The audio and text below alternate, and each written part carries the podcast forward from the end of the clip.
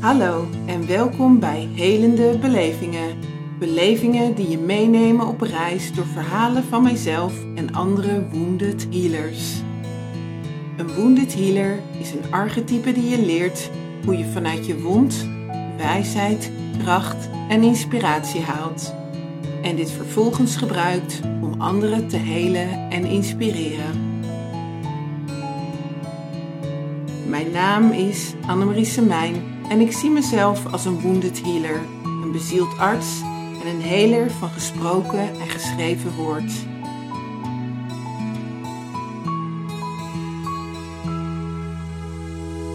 Luister naar deze verhalen en vind de gewonde heler in jezelf. Voor een mooiere, gezondere en levendige wereld. Reis je met ons mee?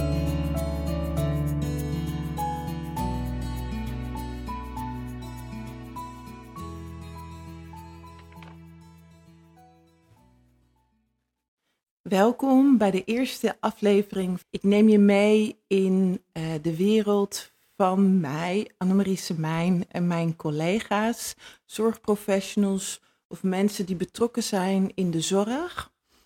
En in deze aflevering wil ik je kennis maken of kennis laten maken met mij en ook mijn verhaal delen met jullie.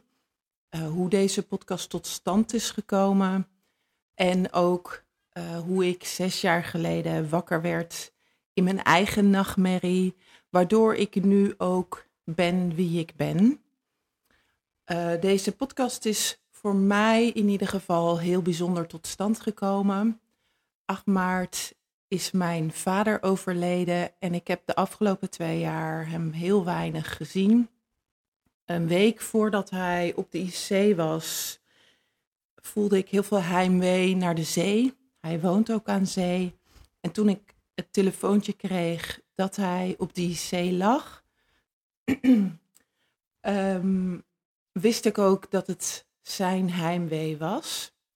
Ik voelde, hoorde en zag de dood heel dicht bij hem. En ik wist ook dat dat het moment was om echt weer naar hem toe te gaan.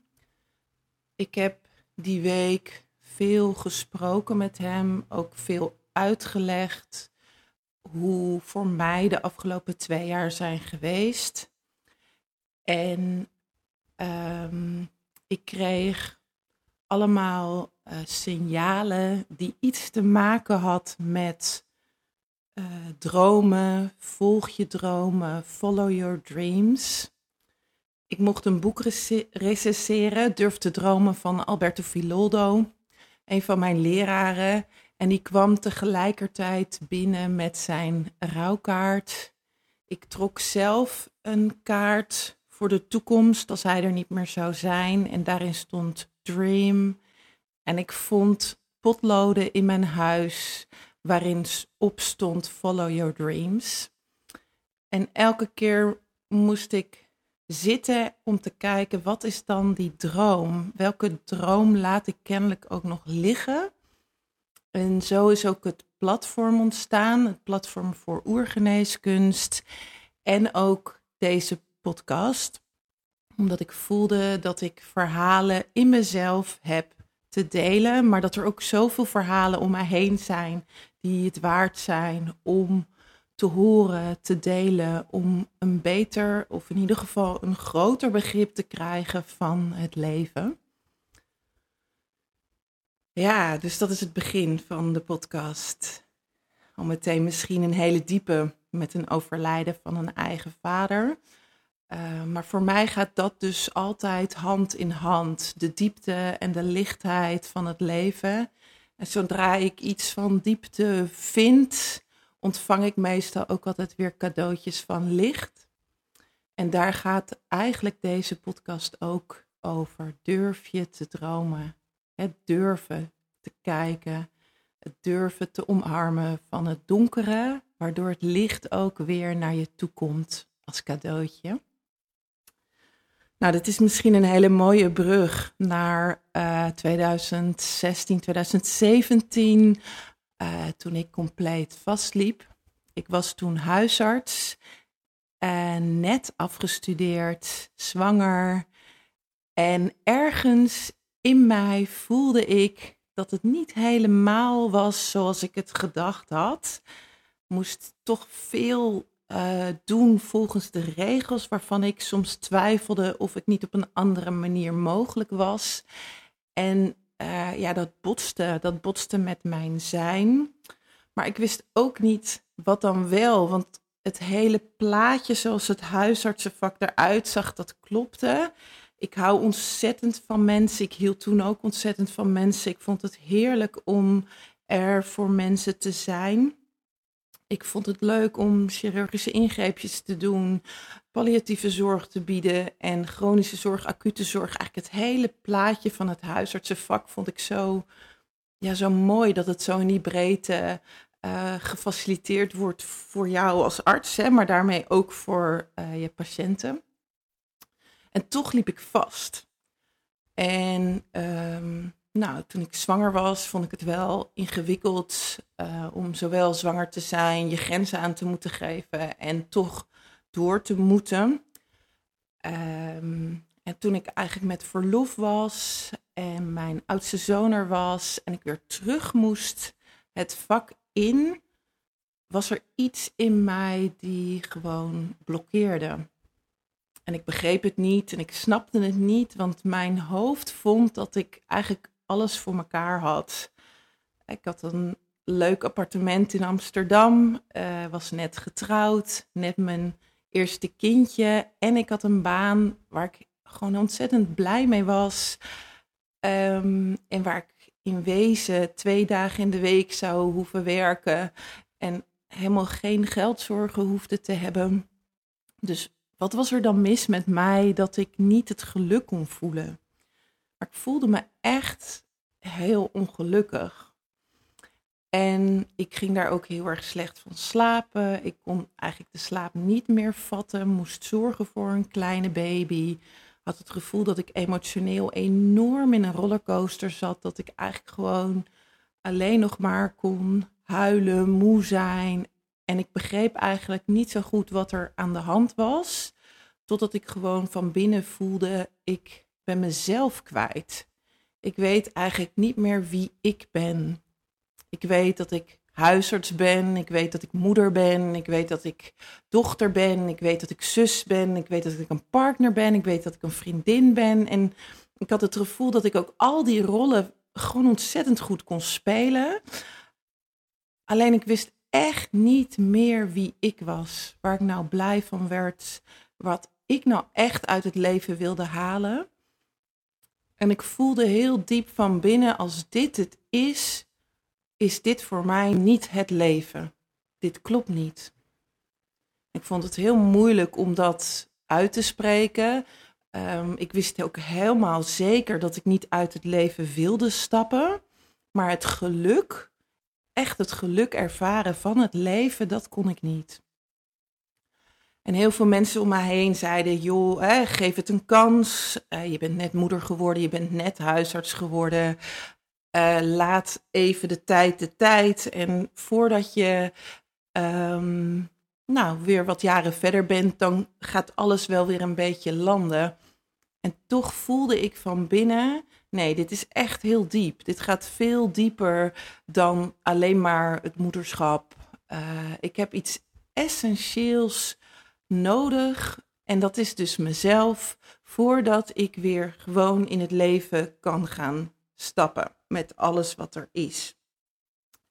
En op het moment dat ik eigenlijk um, nou, nee zei tegen mijn oude leven en ja zei tegen de verandering, gebeurde er ook ineens allerlei uh, stapjes. En ik heb dat later ook wel terug kunnen lezen in de reis van de held, de Hero's Journey waarin de eerste, eerste stap eigenlijk de roep is, de call. Hè, dus dat je ergens toe geroepen wordt en dat er eerst heel veel weerstand is. En die eerste periode van, uh, nou, dat ik voelde dat het niet klopte, noem ik ook wel mijn roep. Hè, dus de call, waarin ik eigenlijk gevraagd werd van het leven zelf om een andere richting te kiezen. Op het moment dat ik daar gehoor aan gaf, Eerst is er veel weerstand, maar op het moment dat ik voelde, ik heb hier naar te luisteren, want die andere route loopt dood. Zei letterlijk vaak wel van het voelt als een fuik. Oftewel, die route is niet mijn route. Ook al kan het ieders anders route wel zijn. Hij past niet bij wie ik ben, hoe graag ik het ook zou willen. Want ik heb het ook echt wel vervloekt. Ehm, maar ik heb toch geluisterd naar deze roep en gezegd: Oké, kennelijk vraagt het leven iets anders van mij. En ik, ik juich het toe om weer gelukkig te zijn. Ik wil weer echt geluk ervaren. En niet alleen door een pilletje te slikken. Uh, daar was ik ook veel te trots voor. Dat, die, die route zou ik never nooit willen. Um, daar, was, ja, daar was ik gewoon heel stellig in. Van dat is niet mijn route. Uh, mijn route werd toch gewoon er doorheen um, en op, op zoek gaan naar wat dan wel. Op het moment dat je daar gehoor aan geeft, komen er vaak heel veel mensen uh, naar je toe die je gaan helpen. Uh, ik kende toen de reis van de held niet, hè, maar ik heb het later terug kunnen lezen en ook ervaren dat het inderdaad klopte dat uh, ik gehoor gaf aan mijn roep en ook inderdaad op dat moment gidsen in mijn leven kreeg die, um, ja, die mij hielpen. En een van mijn gidsen is een hele dierbare vriendin, Azucena, geweest, die me wees op een hele mooie opleiding. En Um, via die opleiding heeft zij haar partner ontmoet. Dus het was ook nog een hele mooie wisselwerking. Maar ik ben die opleiding gaan volgen tot coach, counselor. Uh, met het idee van, nou, dan kan ik mensen nog steeds begeleiden met wat meer de psychische zorg. Daar ging mijn hart ook wel uh, sneller van kloppen. En dan kan ik onderzoeken uh, of ik toch meer het coachende kan gaan doen. Of dat ik het kan gaan combineren. Nou ja, de hoe wist ik eigenlijk nog niet. Het enige wat ik voelde was, dit is eigenlijk best wel een hele goede route. Ik ben uh, de opleiding gaan volgen, twee jaar lang. En wat ik eigenlijk vooral uit die opleiding leerde, was hoe vast ik zelf zat. Ja, dat is altijd heel grappig. Maar je gaat natuurlijk zelf heel erg door de mangel heen. En in die opleiding kwam ik er gewoon achter wat voor een ongelooflijk vaste overtuigingen ik had over mezelf, hoe streng ik was ook tegen mezelf. En um, ja, als je het hebt over de termen, hè, de interne criticus was heel dominant in mijn leven. Um, de kernovertuiging van uh, dat ik huisarts moest blijven was ook heel sterk dominant in mijn leven. Um, ja, er waren er heel veel die ik heb aangekeken en onderzocht. Uh, een van de overtuigingen was ook, als je dan dokter wordt, dan is de hoogste rang is specialist. Nou, daarna komt de huisarts, dan komt nog de bedrijfsverzekeringsarts en daaronder komt nog het docentschap. Nou, die rangorde in mijn hoofd was ook heel duidelijk aanwezig. En toen er een um, vacature vrijkwam als docent op de huisartsenplek uh, voor de geneeskundeopleiding, toen zei eerst alles in mij: nee, nee, nee, nee, nee. Annemarie, een docentenplek, dat is echt veel te min voor jou ik moest daar doorheen om te ervaren dat het eigenlijk een prachtkans was. Om twee dagen in de week les te geven, les te geven over, over de onderwerpen waar ik al ongelooflijk veel in had gedaan, praktijkervaring op had gedaan. En daarnaast de ruimte had om te gaan onderzoeken wat ik nou eigenlijk wilde en wie ik was. En ruimte te hebben voor de opleiding. Uh, dus toen ik daar doorheen kon bewegen, heb ik gesolliciteerd en werd ik aangenomen.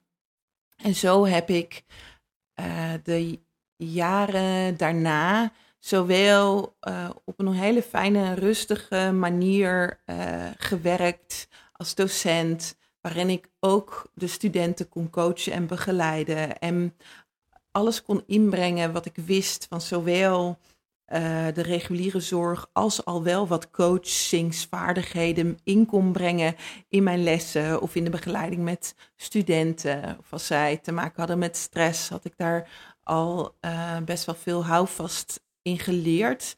Dus het was een ongelooflijk mooie combi om dat te mogen doen.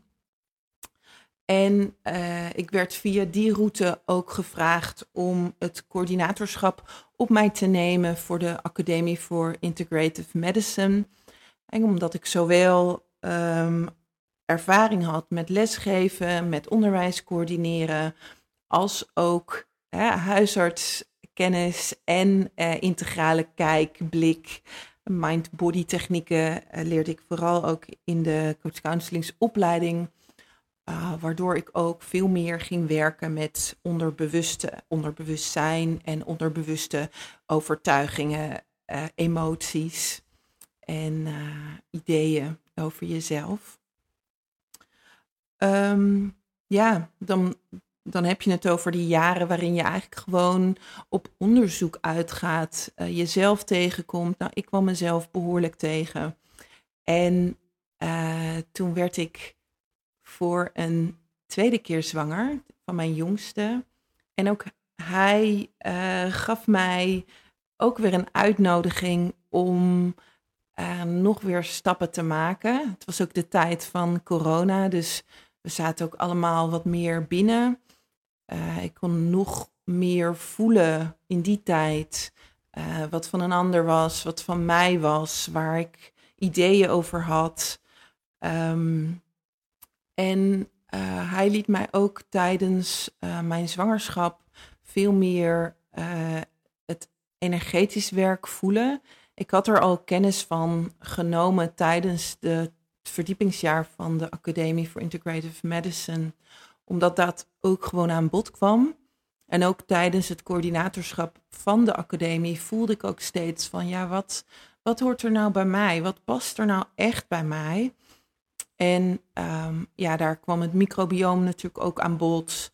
Um, daar kwamen heel veel supplementen aan bod. Daar kwam heel veel werk uh, of diverse manieren van werken. Ook vanuit de antroposofie of homeopathie of acupunctuur. En elke keer voelde ik, nee, nee, nee, dit is toch niet uh, helemaal de route die voor mij past. En ik had in die tijd ook al steeds meer leren luisteren naar wat klopt en wat niet. Uh, met vallen en opstaan uiteraard. En toen ik dus zwanger was van uh, Marijn en ik eigenlijk ook wel een dieper verlangen voelde voor wat meer energetisch werk, uh, liet hij me eigenlijk al in de eerste drie maanden, waarin je eigenlijk het meest gevoelig bent, meest lichamelijke klachten ervaart, tenminste zo was het voor mij, ook echt energetisch uh, voelen hoe ik contact kon maken met mijn voeding, hoe ik contact kon maken met hem. Um, ik heb die destijds ook specifiek gekozen voor iemand uh, om uh, zwangerschapsreadings te doen, zodat ik ook al wat meer contact kon maken met, met hem. En zo kwam ik ook als vanzelf wat meer in, ja, in, in verhalen, in het energetisch begrijpen van hoe, hoe, hoe um, de wereld ook in elkaar zit. Ik kon communiceren met, met hem uh, in de buik en dan koos ik uh, de kleur en dan vroeg ik aan hem of hij dat mooi vond en dan kon hij daar antwoord op geven. Het klinkt misschien heel, heel, heel bizar als je het niet hebt ervaren, um, maar ik kreeg gewoon de gedachten uh, in mijn hoofd. Uh, of ik voelde mijn lijf een ja of een nee. En uh, ik kon het onderscheid maken wat van hem was en wat van mij. Uh, ja, dat moet je gewoon een keer ervaren. Um, wil je dat kunnen begrijpen? En dat is denk ik de kunst van het energetisch werk ook. Op het moment dat je het hebt ervaren, weet je weer wat dat is, wat dat betekent. Um, met een hoogzwangere buik heb ik toen uh, gekozen voor een opleiding online van Alberto Filoldo. En Alberto Filoldo heeft een opleiding voor uh, energetisch energy medicine. En uh, nou ja, hij zegt backed up with science. En toen dacht ik, ja, als ik een opleiding wil volgen wat gaat over energetisch werk, dan is het wel die van hem. Dus ik heb een, nou, een bericht gestuurd naar ze en ik, kon, ik kon starten in, in, in de tijd dat, dat mijn jongste dus geboren was en ik nog met verlof was. En ik ben gaan onderzoeken hoe, hoe dat was. En het eerste, de eerste oefening die ik daar deed, was een oefening met het voelen van energie. En ik deed mijn handen open en de energie stroomde mijn handen binnen. Dat is allemaal online. En die zei letterlijk in mijn hoofd: Welkom thuis. Ja, toen wist ik ergens dat ik op een plek terechtgekomen was waar, waar ik hoorde, wat mijn thuis was. En dat ik niet voor niets de route had gekozen zes jaar terug, toen destijds vijf jaar terug, om een ander pad te lopen, omdat dit de plek is waar ik had en heb te zijn. En dat is het plek van, um, ja, ik noem het wel eens de wounded healer, het healerschap. Um, Alberto Filoldo heeft heel veel in de Andes en Peru uh, gezeten, waar hij de oeroude wijsheid um, uit uh, de, de Pakus heeft ontvangen. En die wijsheid heeft hij ook in, in de opleiding gegoten. Het was een on, onwijs krachtige opleiding. Voor mij het gevoel van thuiskomen, waardoor ik ook niet zo goed kon plaatsen. Um, nou ja, kan het uiteindelijk wel plaatsen. Maar op dat moment was ik gewoon ja, soort van met open mond aan het kijken wat ik allemaal mocht doen uh, in zo'n korte tijd. En hoe snel mijn uh, lichaam dat eigenlijk begreep. Um, ja, ik heb, ik heb het idee gehad alsof er allerlei klikjes kwamen in mijn lijf, waardoor ik als een soort sneltreinvaart door die opleiding ging.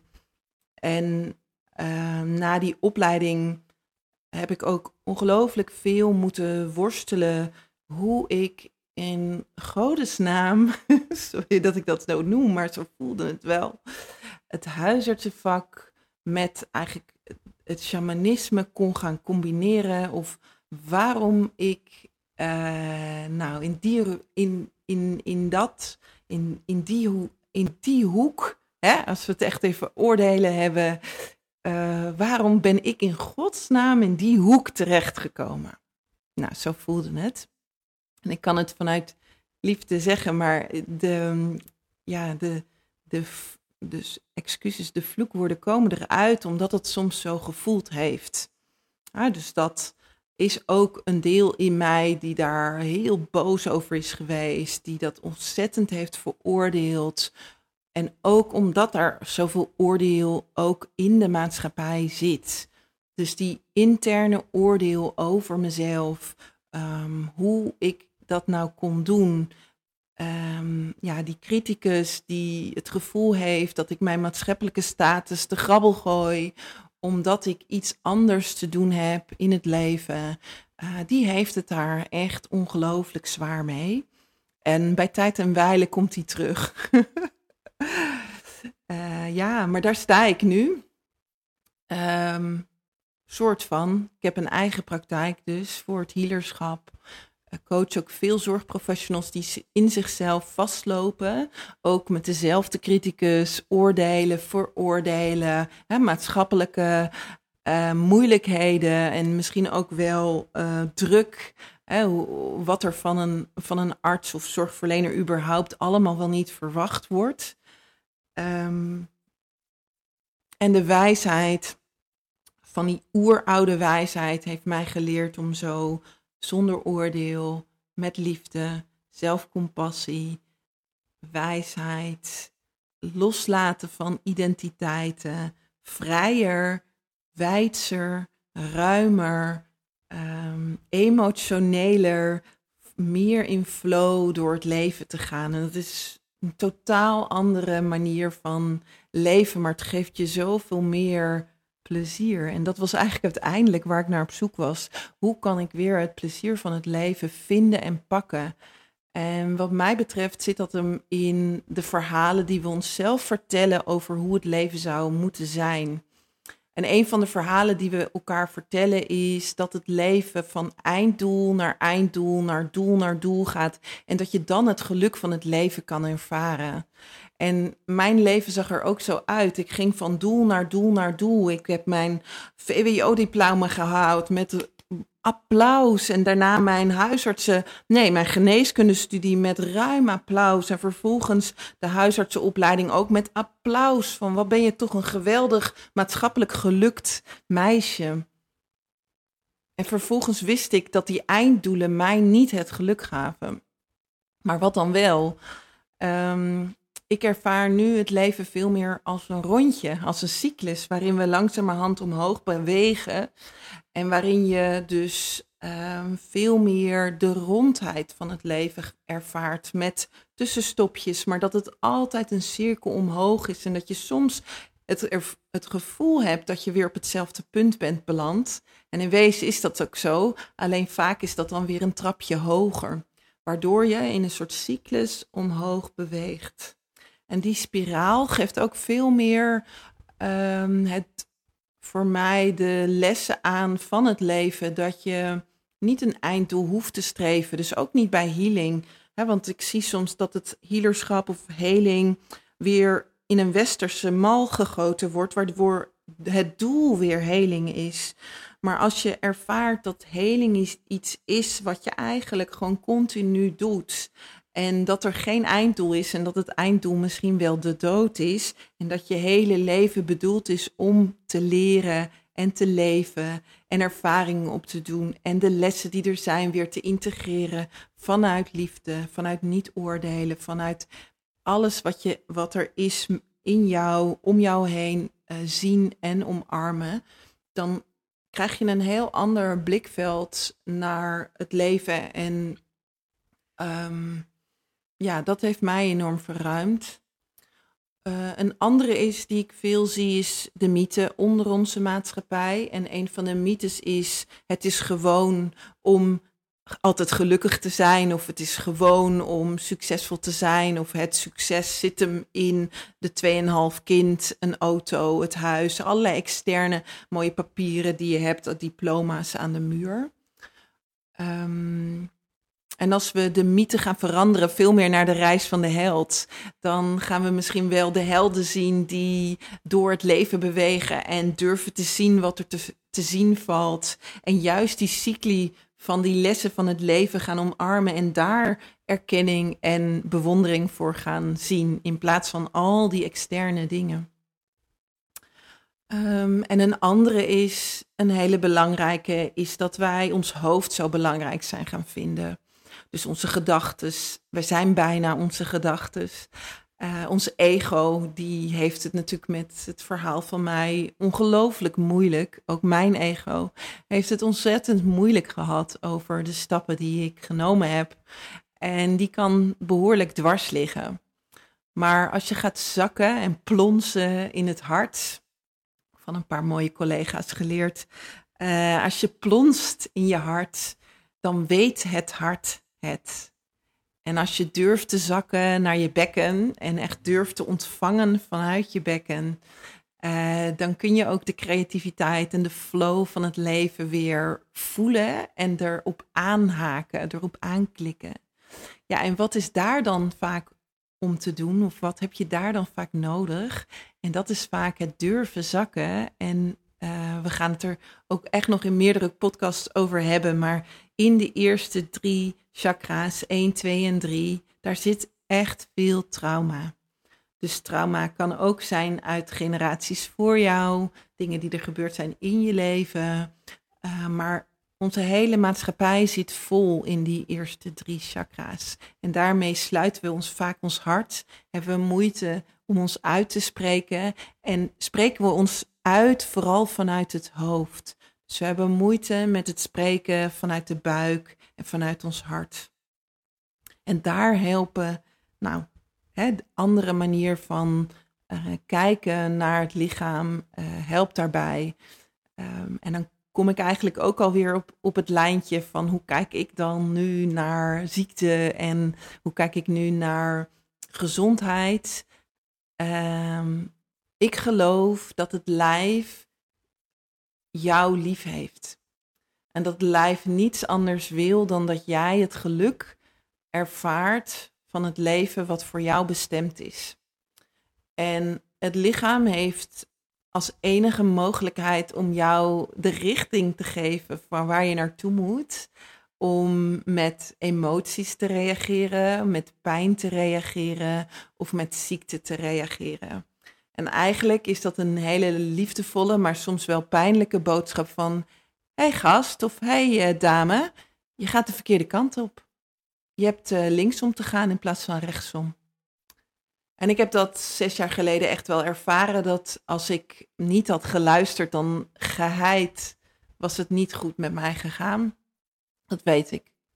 Dat heb ik al ervaren hoe het was om die maanden niet een besluit te nemen. Ik voelde al aan alles hoe mijn lijf uh, smeekte, echt smeekte om te luisteren. En heel vaak diep van binnen uh, weten we stiekem wel dat dit een smeekbede is. Alleen we zitten dan vast in schuld of in schaamte of in dat het maatschappelijk niet zo gewoon is om daarover te spreken. En dat taboe, daar wil ik heel graag doorheen breken. Want dat maakt ons echt ziek, dat we niet durven te erkennen dat dit er is. En dat we hier niet naar mogen luisteren of durven te luisteren of kunnen luisteren. Um, want ik denk echt dat we een heel ander zorgsysteem gaan krijgen als we ook durven te luisteren naar de fluisteringen van ons lijf. En dat betekent niet dat uh, medicijnen nooit meer nodig zijn of dat chirurgie, uh, de chirurgische uh, ontwikkelingen die we hebben, dat die niet nodig zijn. Maar ze verdienen echt een, een, een, ja, in de rangorde mogen ze echt wel even een plekje lager. En dat betekent dat we, wat mij betreft, ze minder nodig hebben. dus op het moment dat wij veel meer in contact zijn met ons zijn, met ons lijf, dan hebben we ze gewoon veel minder nodig. En nodig op het moment dat het even wel nodig is, is helemaal oké. En daar voel je natuurlijk de weerstand en daar voel je de wrijving. Want ook daar voelt het ongemakkelijk om iets los te laten wat we zo gewend zijn. Nou, lieve luisteraars, dankjewel dat jullie al geluisterd hebben naar dit verhaal. In Vogelvlucht is het waar ik nu ben. Um, en ik heb ook voor mezelf, ik zal jullie even meenemen, ik heb voor iedere uh, interviewer die in de podcast terechtkomt, een verhaal geschreven vooraf, die ik, luister, die ik eigenlijk um, voorlees aan het einde van de podcast. Op het moment dat ik um, nog niet eens wist wat het verhaal zou zijn, heb ik het al opgeschreven. En aan het einde lees ik het voor, ook om jullie een stukje magie weer uh, mee te geven en te voelen hoe het is om in tijdloosheid te stappen. Want hoe kan ik al weten wat die ander nodig heeft of wat de samenvatting gaat zijn van het verhaal die we met elkaar gaan bespreken. In feite, als je het hoofd vraagt, kan dat niet. Maar ik ga jullie uitnodigen om met mij mee te gaan in mijn wereld waarin dat wel kan. En dit verhaal heb ik net geschreven voor mezelf, waarvan ik eigenlijk in eerste instantie niet wist dat het voor mezelf was. Maar ik ga hem jullie voorlezen. En daarna gaan we deze podcast afsluiten. Huil maar, mijn kind, en laat je tranen rivieren worden. Herinner jezelf als meer. Kun jij van je eigen dieptes houden? Brul maar, mijn kind, en laat je vuur vlammen. Durf jij je eigen krachten te bezitten? Het vuur te laten branden zo laaiend dat mensen achteruit stappen en dan de twinkeling in jouw ogen zien Durf jij te stralen als de felste ster aan de hemel, wetende dat jij ook stralend bent. Kniel maar, mijn kind, voor de angst van overgave en vertrouw me maar op mij, het leven, die jou de weg gaat wijzen, liefdevol en vol goede moed. Je, durf jij jezelf te geven aan het allesomvattende leven? Ja, en daarmee sluit ik deze aflevering af. Dank jullie wel. Er volgen er nog een heleboel meer. Als jullie vragen hebben over dingen die ik gezegd heb, verteld heb, of als jullie op een paar dingen aanhaken, laat het me vooral weten. En ik wens jullie een hele fijne dag.